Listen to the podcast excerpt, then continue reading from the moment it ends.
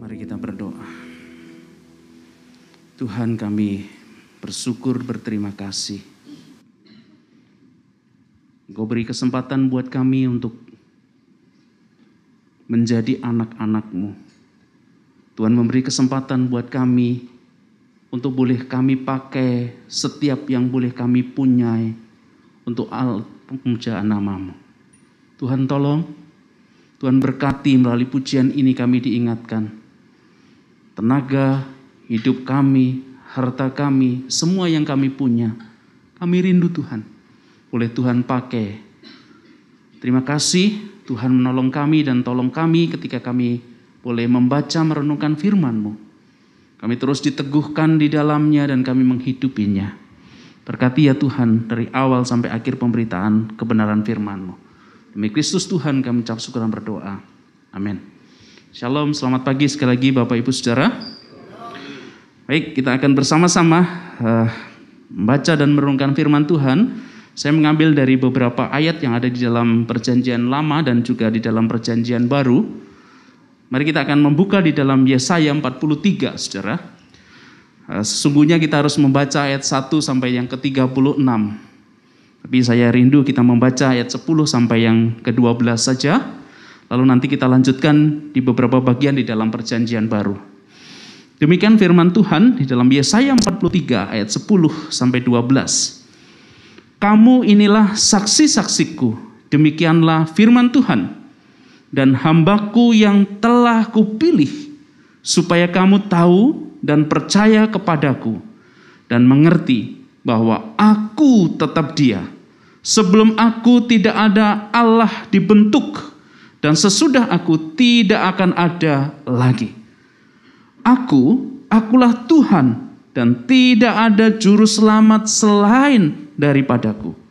Akulah yang memberitahukan, menyelamatkan dan mengabarkan dan bukanlah Allah asing yang ada di antaramu. Kamulah saksi-saksiku. Demikianlah firman Tuhan dan akulah Allah Lalu kita akan lanjut di dalam kisah para rasul 1 ayat 8 dan juga kisah para rasul 22 ayat 15. Demikian firman Tuhan.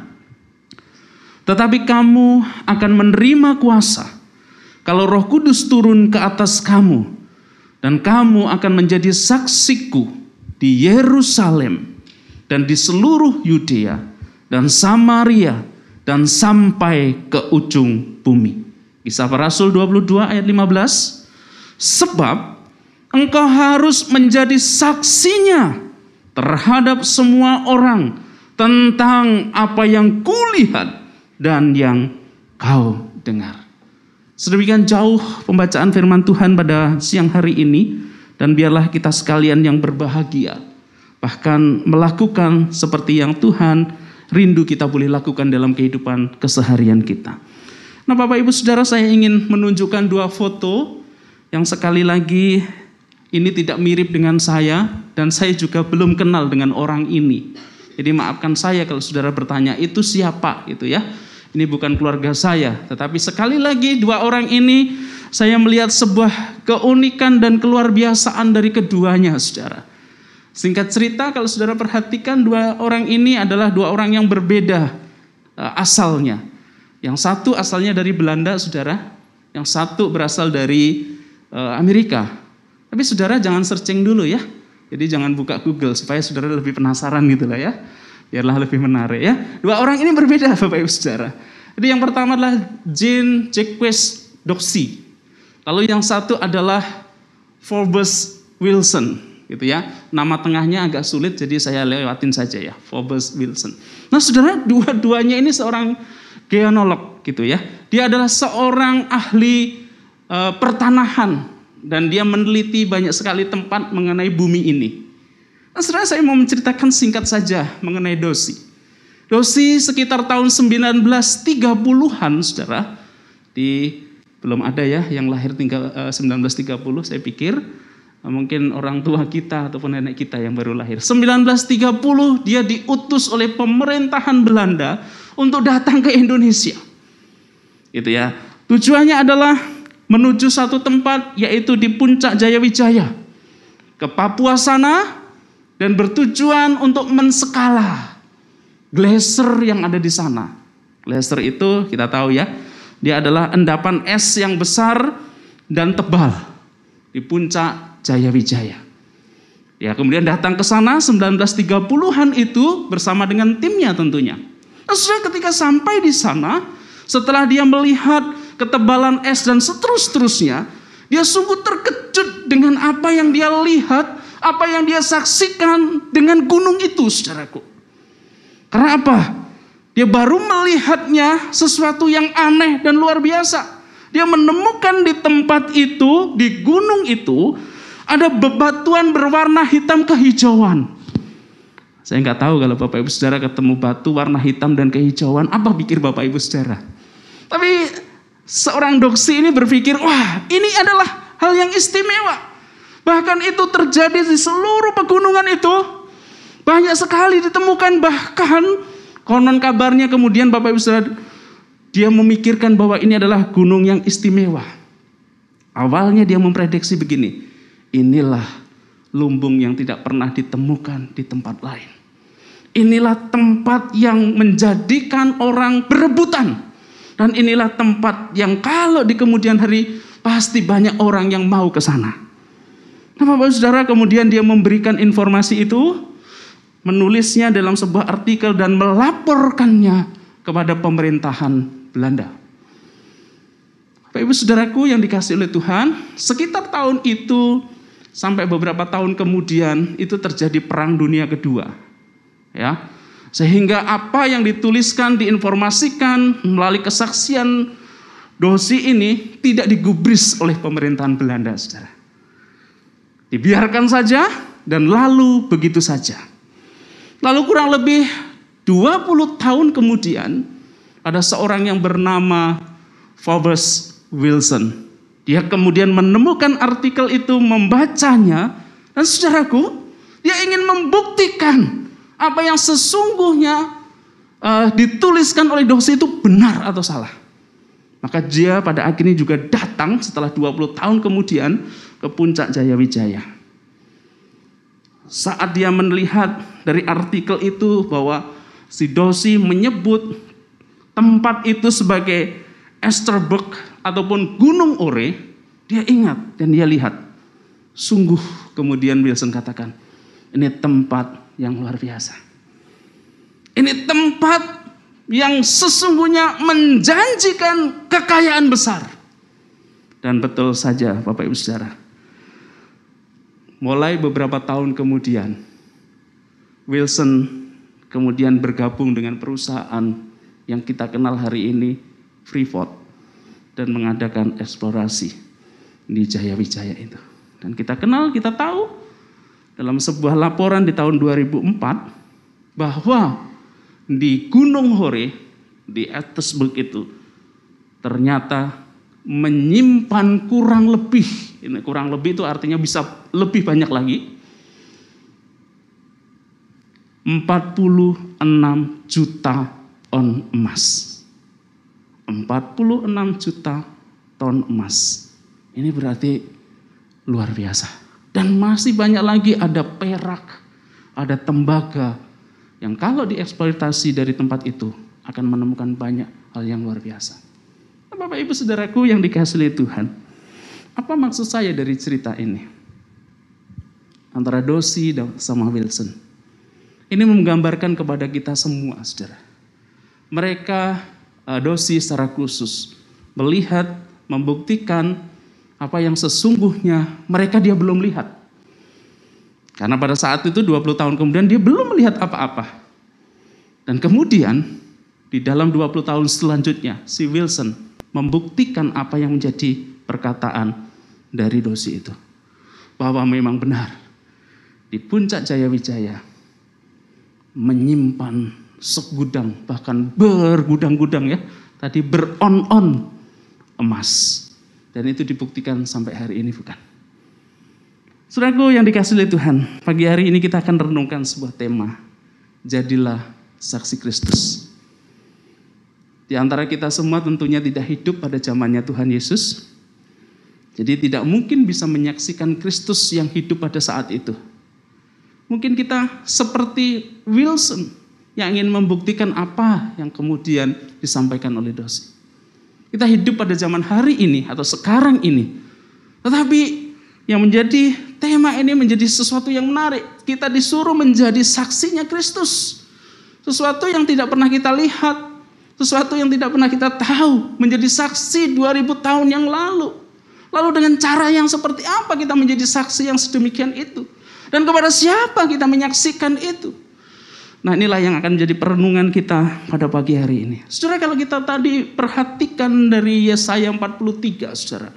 Ayat 1 sampai yang ke 36. Itu menggambarkan sebuah kisah yang tentunya menarik. Sebuah kisah yang dinyatakan bagaimana bangsa Israel saat itu mengalami pergumulan, mengalami tantangan dengan kehidupan dan kehadirannya di tengah-tengah bangsa lain. Mengapa demikian Bapak Ibu Saudara? Ternyata bangsa Israel yang mengenal Tuhan pencipta langit dan bumi itu sebagai Tuhan yang hidup. Tetapi di sisi lain, di sekitar mereka, orang yang mereka jumpai, bangsa yang mereka jumpai sepanjang perjalanan hidup mereka, termasuk saat mereka di Mesir, termasuk saat mereka di padang belantara, di padang gurun secara mereka menemukan banyak bangsa lain itu memiliki Allah, tapi bukan Allah yang mereka sembah. Memiliki Allah-Allah yang dibuat oleh tangan manusia. Memiliki banyak berhala yang di sana, Bapak Ibu saudara. Menjadi sesembahan orang yang ada di sekitarnya.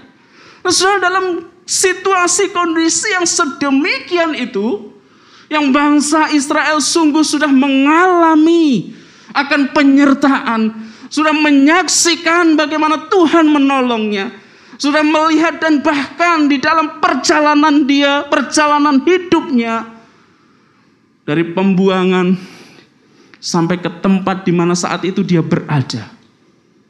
Bahwa Tuhan itu bukan Tuhan yang tidak tinggal diam, tetapi Tuhan yang tinggal diam dan menyertai hidup mereka.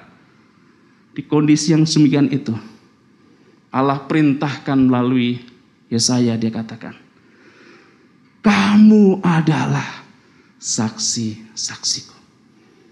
Kamu semua adalah saksi-saksiku. Maksudnya saksi apa Bapak Ibu Saudara? Dan saksi yang seperti apa dan bagaimana? Bangsa Israel diminta, diperintahkan oleh Tuhan untuk menjadi saksi dari semua kejadian, semua peristiwa. Bahwa Tuhan, sekali lagi, bahwa Tuhan yang mereka sembah itu adalah Tuhan yang hidup. Tuhan yang mereka miliki itu adalah Tuhan yang menguasai semuanya itu. Karena itulah dia harus menyaksikan kepada setiap orang yang ia jumpai Tuhan yang sedemikian itu. Bapak Ibu Saudara untuk menyaksikan hal yang seperti itu bukan perkara yang mudah, bukan? Level bangsa Israel yang dipimpin oleh Musa, kemudian Yosua, diperintahkan oleh Tuhan untuk menyaksikan keberadaan Tuhan di tengah-tengah kehidupan ataupun di tengah-tengah bangsa yang memiliki Allah berbeda dengan dirinya.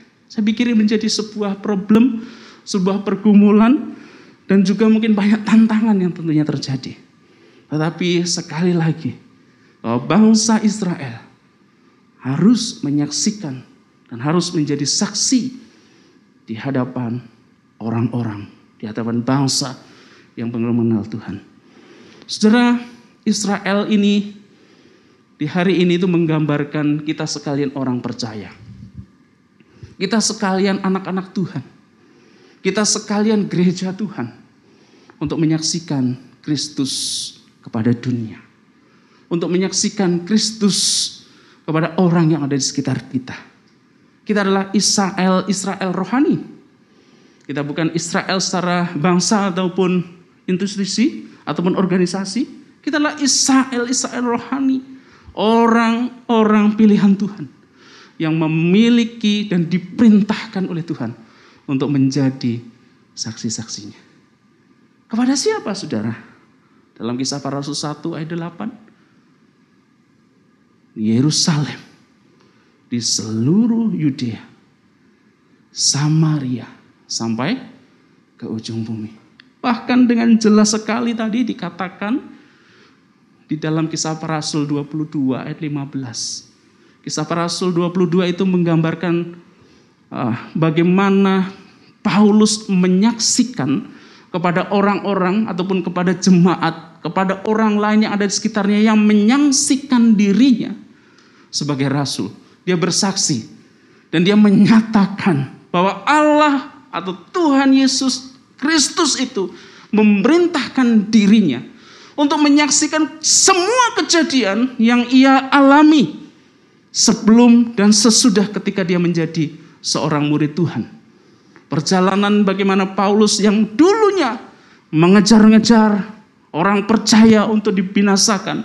Tapi ketika perjumpaannya dengan Kristus dalam perjalanannya itu, dan kemudian dia menjadi seorang percaya yang kemudian menjadi pembela iman. Di sanalah Tuhan perintahkan. Engkau menjadi saksinya. Dan engkau akan menyaksikan semuanya itu kepada orang yang ada di sekitarmu. Saudaraku yang dikasih oleh Tuhan. Akhirnya kalau kita perhatikan. Bahwa menjadi saksi Kristus itu. Bukan hanya tugas pendeta. Bukan hanya tugas majelis pengurus, guru sekolah minggu. Tetapi sekali lagi kepada kita semua Amin. Kepada kita semua orang percaya. Kepada kita semua orang yang menjadi pengikut Kristus. Kita harus menyaksikan bahkan menjadi saksi Kristus. Kapan saja dan di mana saja. Nah, saya mengingat akan hal ini dengan sebuah pernyataan kebenaran firman Tuhan di dalam 2 Korintus 3 ayat 1 sampai yang kedua. Tetapi saya ambil dari bagian yang kedua saja. Firman Tuhan katakan begini. Kamu adalah surat pujian kami yang tertulis dalam hati kami dan yang dikenal dan yang dapat dibaca oleh semua orang.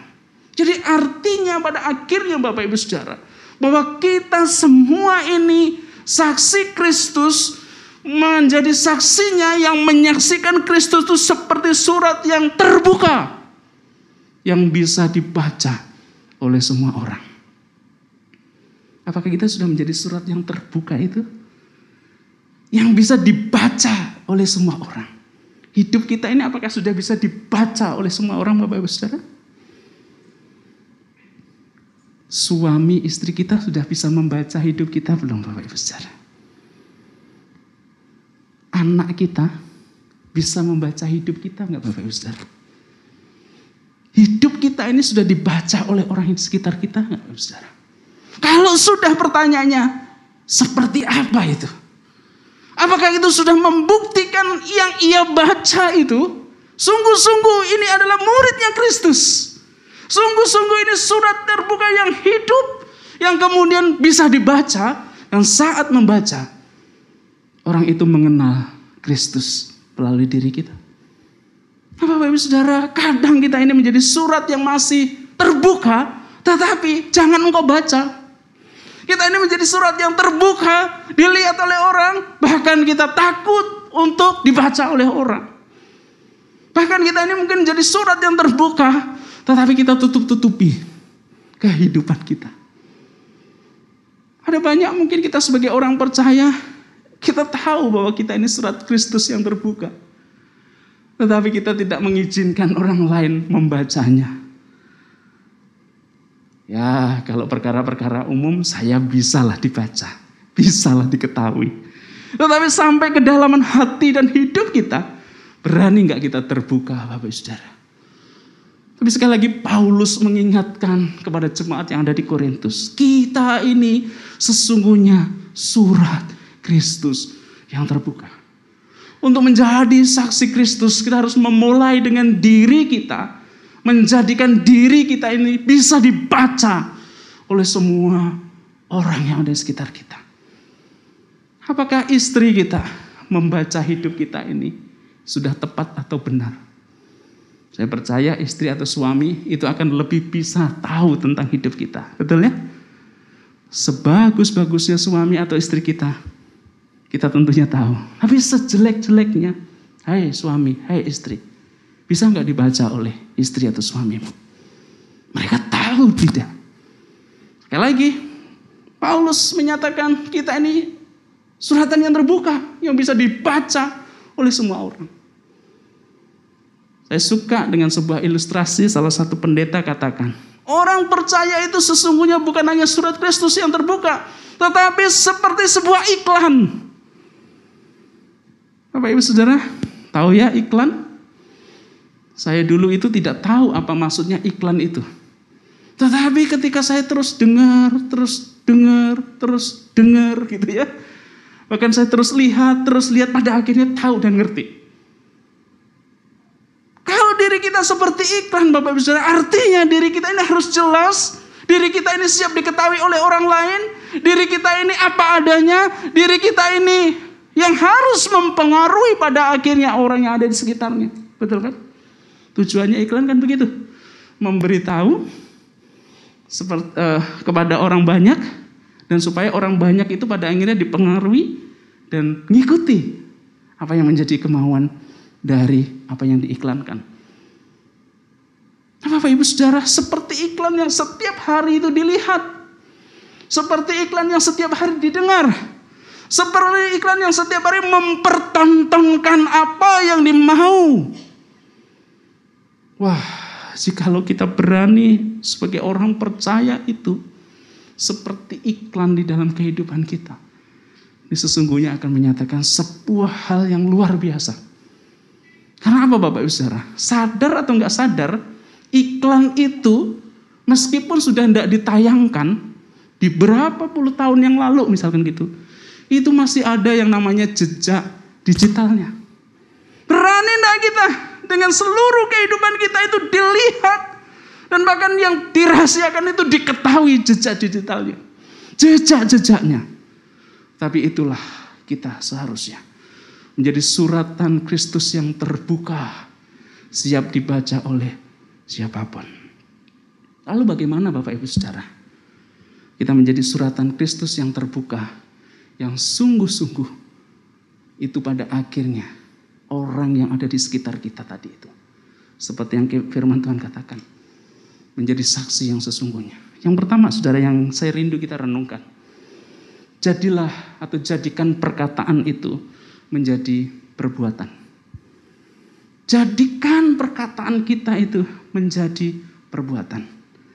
Saudara, Matius 6 ayat Matius 5 ayat 16 berkata, "Demikianlah hendaknya terangmu bercahaya di depan semua orang, supaya mereka melihat perbuatanmu yang baik dan memuliakan Bapamu yang di surga." Supaya terangmu bercahaya di depan semua orang. Supaya mereka yang melihat perbuatan yang apa Bapak Ibu Saudara? Baik. Sekali lagi, yang bagaimana? Baik. Dan memuliakan Bapamu yang di surga. Perkataan yang baik. Bukankah itu menunjukkan bahwa diri kita seperti apa? Kalau kita memiliki suami atau istri, terus perkataannya nggak baik, membuktikan dirinya nggak baik nggak Bapak Saudara? Saya pernah berjumpa dengan keluarga Kristen. Kalau kita ajak ngobrol begitu, terus bersama-sama, lalu suaminya itu sudah mulai, mulai ngomongi istrinya. Pak, Musa, tolong dong kasih tahu Jangan ngomong gitu-gitu. Kita ngomong yang baik-baik aja. Gitu kan biasanya. Emang kasih tahu apa? Gak jadi deh, nanti saja. Gak jadi lagi. Nah, ada sesuatu yang disembunyikan. Ada sesuatu yang tidak berani disampaikan. Apa Bapak Ibu Saudara? Perkataan yang baik bukan identik dengan perkataan yang sopan. Perkataan yang baik bukan identik perkataan yang bisa mengambil hatinya orang. Perkataan yang baik bukan berarti Bapak Ibu Saudara yang pada akhirnya kalau orang itu nurut atau dituruti atau diikuti itu kan bukan berarti yang sedemikian. Tapi perkataan yang baik tentunya perkataan itu yang membawa berkat bagi orang lain. Jadikan perkataanmu itu menjadi sebuah perbuatan di dalam hidupmu. Ini sesuatu level yang lebih tinggi lagi. Orang percaya sudah seharusnya memiliki perkataan yang baik, amin. Kalau ada orang percaya kemudian memakai kata-kata kotor, apakah itu orang percaya? Bisa saja. Percaya luarnya, gitu kan ya. Hatinya eh, percaya luarnya, tapi hatinya enggak. Gitu gitu ya. Kalau ada orang percaya kemudian memakai kata-kata yang tidak baik, bahkan mungkin berani ngomongin orang, nunjuk-nunjuk dan seterusnya. Apakah itu orang percaya? Mungkin saja. Tetapi Bapak Ibu Saudara, mari kita renungkan. Hendaklah perkataan itu, perkataan yang baik itu kemudian menjadi perbuatan. Sebab kalau hanya per, perkataan saja, kita bisa ngomong ya Bapak Ibu Saudara. Kita bisa, semua bisa katakan, saya mengasihimu. Melewat perkataan bisa tuh? Saya menolongmu, bisa kan? Wah saya baik gitu, bisa. Tetapi kalau perkataan yang baik itu kemudian menjadi sebuah perbuatan, itulah kita menjadi saksi Kristus dengan perkataan yang baik yang menjadi perbuatan. Itu yang harus kita miliki. Amin. Kalau hanya sekedar perkataan dan perkataan omongan sudah omongan itu omong doang gitu kan ya. Kalau tanpa perbuatan. Kalau kita menjanjikan sesuatu, kita ngomong sesuatu, mudah. Tetapi untuk menjadikan sebuah perbuatan, itu perkara yang sulit bukan? Suatu ketika saya berkata kepada anak saya, nanti kalau kamu naik kelas, kalau nilainya baik, ini di awal uh, masuk sekolah dulu baru, baru andai kata itu waktu itu kelas 5. Baru masuk saya bilang, kalau kamu baik dan seterusnya, nanti ada sebuah kejutan yang akan kami berikan. Eh Bapak Ibu Saudara, saat menjelang kenaikan kelas, dia mengingatkan kami. Dia ngomong begini, Papi, kami pernah dengar, bilangnya Pak Pendeta, janji itu adalah hutang. Saya bilang bukan hanya pendeta yang ngomong gitu, semua orang bilang begitu. Betul Bapak Saudara? Dia katakan bilangnya Pak Pendeta kalau berjanji itu adalah berhutang. Iya, setuju kan? Setuju. Pinter juga ini anak saya mengarahkan supaya saya uh, menepati janjinya. Janji itu adalah hutang. Lalu kalau bilangnya lose juga, kalau omong saja, omong do gitu ya, itu tuh nggak membuktikan bahwa seseorang itu baik. Lalu saya pikir, maksudnya apa? Papi pernah berkata, dan papi hendaklah menepati janji itu. Waduh, saya ditegur dan diingatkan Bapak Ibu Saudara.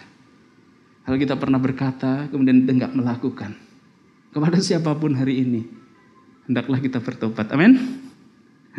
Kalau hanya perkataan saja, omong saja, itu belum menunjukkan kita ini baik. Padahal untuk menjadi saksi Kristus, kita harus sesuai perkataan kita ini sesuai dengan perbuatan kita.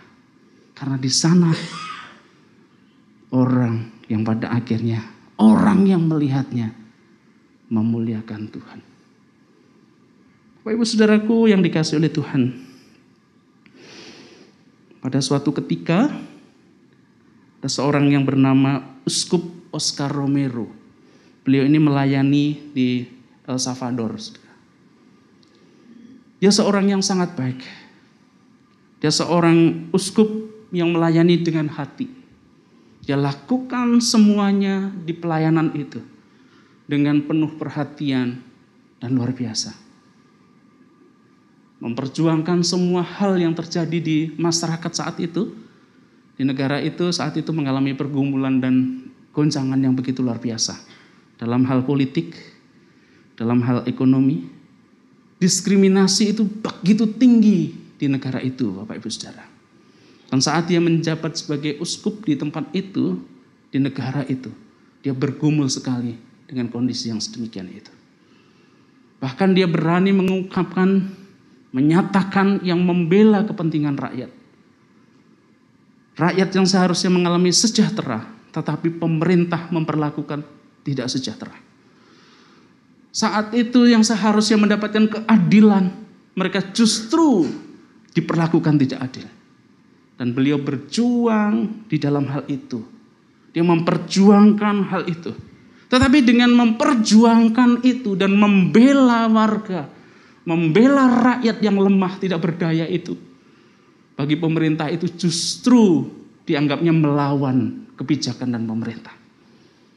Tetapi dengan demikian Bapak Ibu Saudara, dia tetap berjuang terus. Dia tetap mengorbankan semuanya. Dia bukan hanya berdiri di depan rakyat, tapi juga berdiri di belakang rakyat, di samping rakyat. Semua menjadi pergumulan rakyat dan warga dia perjuangkan, saudara. Tetapi malangnya, saudara, pada saat dia mengadakan misa, pada saat dia mengadakan ibadah, ada sekerombol atau sekelompok orang berpakaian bersenjata, kemudian menembak dia. Kemudian dia mati oleh karena apa yang diperjuangkan itu. Dia ingin memperjuangkan.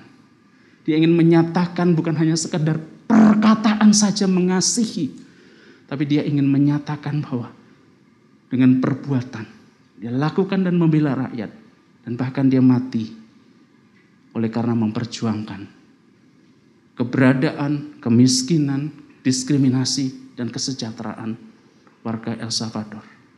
Nah, saudara, ini menjadi sebuah kesaksian yang bukan hanya perkataan, tapi sungguh-sungguh menjadi sebuah perbuatan. Dan bukankah Kristus melakukan hal yang sama seperti itu? Kristus mengasihi kita. Saat dia menyatakan mengasihi kita dan bahkan kasihlah sesamamu seperti dirimu sendiri. Kristus merelakan dirinya untuk dihina. Merelakan dirinya untuk dicerca. Merelakan dirinya untuk disalibkan. Itu diberikan kepada siapa? Karena membela kita sekalian. Saudara, inilah perkataan yang menjadi perbuatan yang harus kita miliki untuk menyaksikan dan menjadi saksinya Kristus. Yang kedua, saudara, yang harus kita renungkan, selain perkataan menjadi perbuatan, tetapi hendaklah perbuatan kita itu perbuatan yang membawa damai. Matius 5 ayat 9 dikatakan, berbahagialah orang yang membawa damai, karena mereka akan disebut anak-anak pendamai. Dalam Roma 12 ayat 18 dikatakan, sedapat-dapatnya kalau hal itu bergantung padamu, hiduplah dalam perdamaian dengan semua orang. Bagaimana kita bisa menyaksikan Kristus itu di dalam kehidupan kita?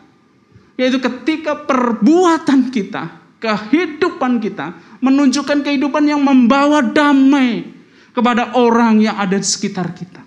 Kehidupan yang kemudian membawa damai di tengah-tengah kekacauan. Kehidupan yang membawa damai, yang membuat mungkin dua kubu yang sedang bermusuhan itu kemudian menjadi diharmoniskan. Itulah yang seharusnya kita sebagai orang percaya menyatakan diri kita menjadi saksi Kristus. Menjadi saksi yang mendamaikan. Menjadi saksi yang memberi kedamaian dan kesejukan dengan orang yang ada di sekitar kita. Bapak Ibu Saudara saya percaya bahwa diri kita ini suka damai, betul ya? Gak ada yang suka bermusuhan. Buktinya kalau kita berantem dengan suami dan istri, kita selalu pakai firman Tuhan. Jangan sampai matahari tenggelam atau kita tetap di dalam kehidupan yang tidak diperdamaikan. Kita selalu pakai-pakai begitu. Nah, ini artinya apa? Bahwa kita rindu ada damai. Bukankah demikian itu saudara kita harus membawa damai kepada orang yang sekitar kita. Untuk menyaksikan Kristus tentunya kita harus memiliki damai itu. Dan itu nyata akan dilihat oleh orang yang sekitar kita. Yang ketiga, Bapak Ibu Saudara, bagaimana kita menyatakan Kristus itu? Bukan hanya damai, tetapi juga memberi pengaruh dan perubahan bagi yang ada di sekitar kita. Saudara, kalau kita ada di dalam dunia saat ini, di sekitar kita saat ini, jadi apa kita hari ini? Jadi seperti apa diri kita? Menjadi seorang perubah atau menjadi seorang yang diubah? Menjadi seorang perubah dunia atau kita menjadi seorang yang diubahkan oleh dunia? Menjadi orang yang mempengaruhi dunia atau kita dipengaruhi oleh dunia? Saudara sebagai murid Kristus, sebagai saksi Kristus, sesungguhnya kita harus menjadi seorang yang mengubahkan dan mempengaruhi apa yang ada di sekitar kita. Karena itu firman Tuhan katakan Tuhan Yesus katakan, engkau adalah garam dan terang dunia. Artinya menggarami, menerangi. Artinya apa? Memberi pengaruh, membawa pengaruh, bukan dipengaruhi. Alangkah menyesalnya saudaraku, jikalau kita memahami hal ini tetapi kemudian kita masih membawa prinsip-prinsip dunia itu. Kita masih membawa gaya-gaya dunia itu. Bahkan pemikiran-pemikiran dunia itu mempengaruhi hidup kita. Untuk menjadi saksi Kristus. Biarlah kita justru mempengaruhi dunia. Roma 12 ayat 2 di sana katakan, "Janganlah kamu menjadi serupa dengan dunia ini, tetapi berubahlah oleh pembaruan budimu. Sehingga engkau dapat membedakan mana kehendak Allah. Apa yang baik, yang berkenan kepada Allah. Dan yang sempurna. Saudara, dengan hidup yang sedemikian ini. Bukankah kita pada akhirnya bisa dilihat oleh dunia. Kita bisa mempengaruhi dalam dunia. Saya teringat dengan sebuah kisah yang sangat yang waktu itu sangat populer. Sebuah pelayanan yang pernah dilakukan di Papua, secara khusus dilakukan seorang misionaris di suku Sawi. Dan kalau Bapak Ibu Saudara pernah mendengar kisah ini, yaitu kisah anak perdamaian dari Papua. Misionaris ini melayani di Papua mulai tahun 65, 62, 1962. Dan secara khusus fokusnya di suku Sawi. Suku Sawi itu Bapak Ibu Saudara, suku yang masih kanibal di memakan sesamanya pada waktu itu. Lalu dia memiliki sebuah prinsip itu sangat mengesankan prinsipnya. Prinsip yang dianggap prinsip tertinggi adalah bisa memberikan atau menyatakan pengkhianatan terhadap orang dekatnya. Itu adalah prinsip yang tertinggi. Artinya apa? Kalau dia berteman baik, kemudian dia mengkhianati, membunuh, dibunuhnya, itu bagi dia itu adalah prinsip tertinggi yang dia pegang. Misionaris bernama Don dan Carol Ricardons itu datang ke sana, melayani di sana. Dan dengan keberadaan mereka, Bapak Ibu Saudara, mulai ada perubahan hidup di kehidupan masyarakat. Yang dulunya orang itu mungkin hidup dengan sembarangan, makan sembarangan, mulai dia baik. Dan pada akhirnya Bapak Ibu singkat cerita, suku Sawi mulai ada yang percaya kepada Tuhan. Ada yang percaya kepada Kristus. Ada banyak kemudian didirikan tempat-tempat persekutuan dan seterus-terusnya.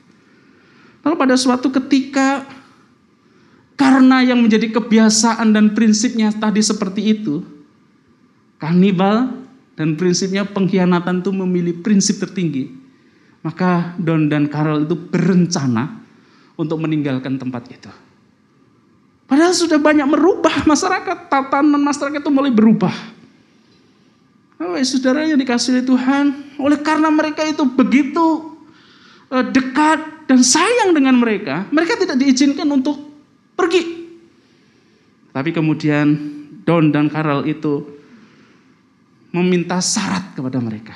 Baik, kalau engkau tidak memperbolehkan kami pergi, syaratnya adalah beberapa hal yang harus lakukan.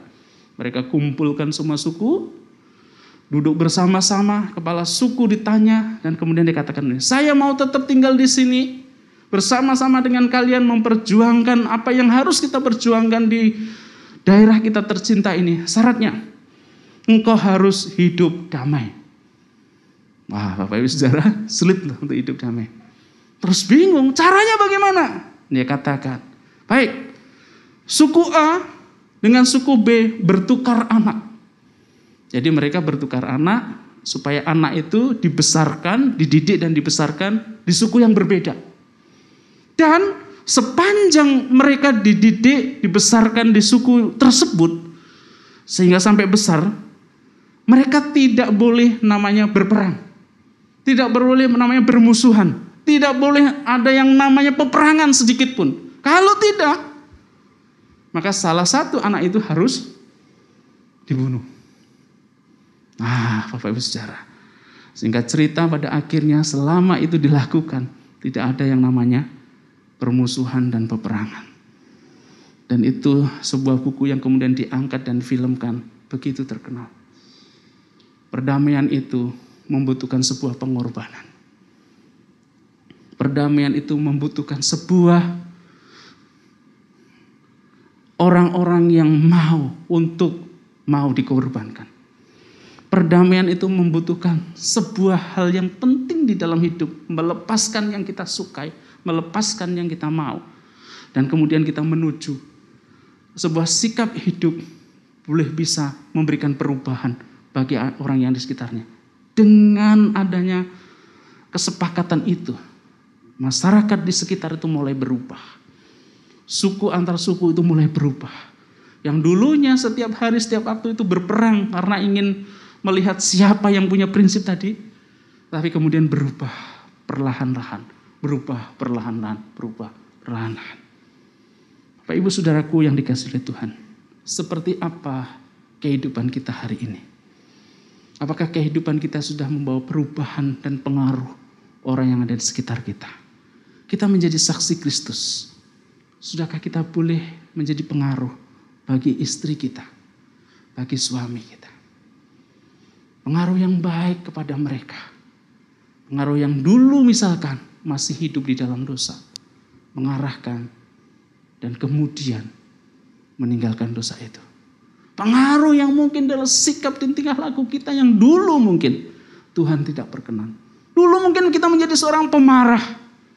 Tetapi apakah kita sudah menjadi seorang pengaruh, menjadi seorang peramah?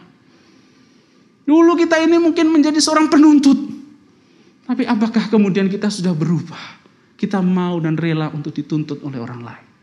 Dulu kita mungkin orang yang tidak mau berkorban. Tapi apakah kita sudah berubah menjadi orang yang baik hati dan rela berkorban? Bapak Ibu Saudaraku yang dikasih oleh Tuhan. Kondisi dunia yang ada di sekitar kita memiliki banyak kekacauan. Kekacauan politik, kekacauan sosial, kekacauan ekonomi, kekacauan-kekacauan mengenai kemiskinan, pendidikan dan semuanya itu amburadul dan berada di sekitar kita. Dan kita hari ini berada di tengah-tengah itu. Apakah akan ada muncul Romero, Romero baru yang mau membela kepada mereka yang masih hidup di dalam kebodohan. Yang mau membela mereka yang masih hidup di dalam kemiskinan. Apakah di antara kita mau dan mau membela hak-hak orang yang seharusnya memilih hak dan kita hidup di sana dengan berkeadilan. Apakah ada di antara kita hari ini punya kerinduan dan mau menjadi saksinya Kristus, menjadi berubah, menjadi pengubah, membawa pengaruh dengan orang yang ada di sekitar kita. Setiap hari kita menemukan orang-orang yang perlu kita kasihani. Dan setiap hari itu pula Apakah Tuhan gerakkan kita untuk menjadi berkat bagi orang-orang itu? Yakobus 6 ayat 19 berkata, Saudara-saudaraku, jika ada di antara kamu yang menyimpang dari kebenaran, dan ada seorang yang membuat dia berbalik, ketahuilah bahwa barang siapa membuat orang berdosa berbalik dari jalannya yang sesat, ia akan menyelamatkan jiwa orang itu dari maut dan menutupi banyak dosa. Bapak Ibu Saudaraku yang dikasih oleh Tuhan. Ini adalah sebuah perintah dan sekaligus panggilan kita sekalian orang percaya. Menjadi saksi Kristus adalah panggilan, menjadi saksi Kristus adalah perintah kepada kita semua. Di sekitar kita ada banyak orang yang menyimpang dari kebenaran siapakah yang akan membuat dia berbalik dari ketidakbenaran, dari kesesatan itu kepada kebenaran terang Kristus. Siapa yang mau dan rindu melakukannya? Mari saya undang kita sejenak untuk boleh merenungkan akan kebenaran ini. Saya rindu pemusik untuk boleh membantu kita memainkan satu pujian dan kita rindu di sana. Di sekitar kita, kita banyak menemukan orang-orang yang terhilang. Mereka masih hidup dengan tidak penuh, tidak mengarah kepada sebuah tujuan. Meskipun mereka tertawa, tapi sesungguhnya sebuah duka, sebuah tangisan yang mereka nyatakan. Saudaraku, orang-orang itu yang masih tersesat itu, mungkin di sekitar kita di wilayah Yerusalem, di keluarga kita. Mungkin suami kita, mungkin istri kita, mungkin anak-anak kita, mungkin orang tua kita, mungkin saudara kita. Mungkin juga berada di seluruh Yudea, di lingkungan kita, di lingkungan kita tinggal, di lingkungan kita bekerja, di lingkungan di lingkungan komunitas kita berada. Mereka rindu berbalik. Mereka rindu mengikuti jalannya Tuhan. Tapi mereka nggak tahu. Apakah kita ada buat mereka. Orang-orang itu juga ada di sekitar Samaria. Mungkin agak jauh dari tempat kita. Dan bahkan di seluruh ujung bumi begitu banyak orang yang demikian itu. Adakah kita mau dan rindu menjadi saksi Kristus buat mereka. Apakah mau dengan hidup kita, dengan harta kita, dengan keahlian kita, keahlian yang sudah Tuhan berikan itu untuk menyatakan dan menyaksikan Kristus kepada orang-orang itu.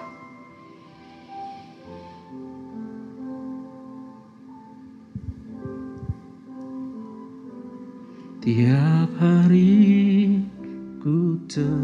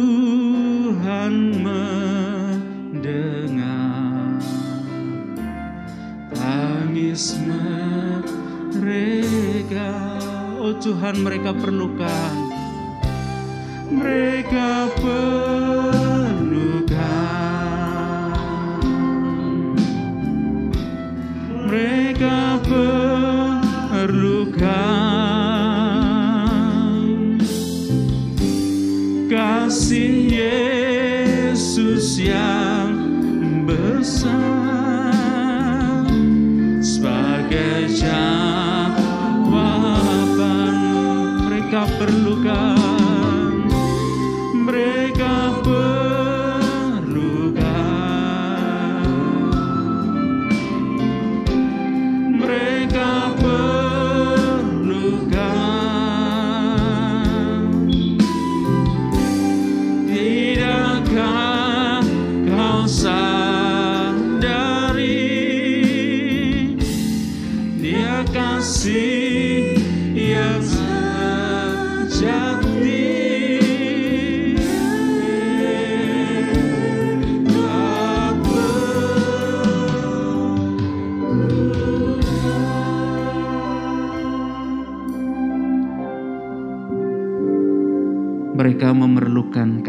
Kristus. Mereka memerlukan Kristus menjadi juru selamat mereka, menjadi Tuhan mereka. Tetapi siapa yang akan membawa berita dan kesaksian itu kepada mereka? Tapi siapa yang akan menyatakan kesaksian itu kepada mereka? Tuhan, siang hari ini kami rindu Tuhan. Engkau sekali lagi mendeng, kami ingin mendengar Engkau berkata-kata secara pribadi. Tuhan tolong kami agar sungguh Tuhan kami tidak keraskan hati kami agar kami sungguh-sungguh Tuhan tidak menutup telinga hati kami tapi kami ingin membuka telinga kami membuka hidup dan membuka hati kami kami mau dipakai oleh Tuhan untuk menyaksikan dan menjadi alat kesaksian bagi orang yang ada di sekitar kami Tuhan terima kasih tolong kami pimpin dan berkati kami. Kami bersyukur, kami berterima kasih. Engkau adalah Allah yang terus memimpin kehidupan kami. Engkau adalah Allah yang harus kami saksikan dengan kehidupan kami, dengan perkataan kami, dengan perbuatan kami, dengan hal-hal yang mempengaruhi orang yang sekitar kami. Sehingga Tuhan, bukan kami yang dimuliakan, tetapi Engkau yang dimuliakan. Terima kasih Tuhan. Tolong kami saat kami melakukan pelayanan pekerjaan ini. Kami tidak mencuri kemuliaan-Mu, tapi biarlah nama Tuhan yang terus diagungkan. Terima kasih Tuhan. Berkati kami sekalian. Demi nama Tuhan Yesus Kristus, kami bersyukur dan kami berdoa. Per yang percaya, katakan amin. Tuhan memberkati kita semua.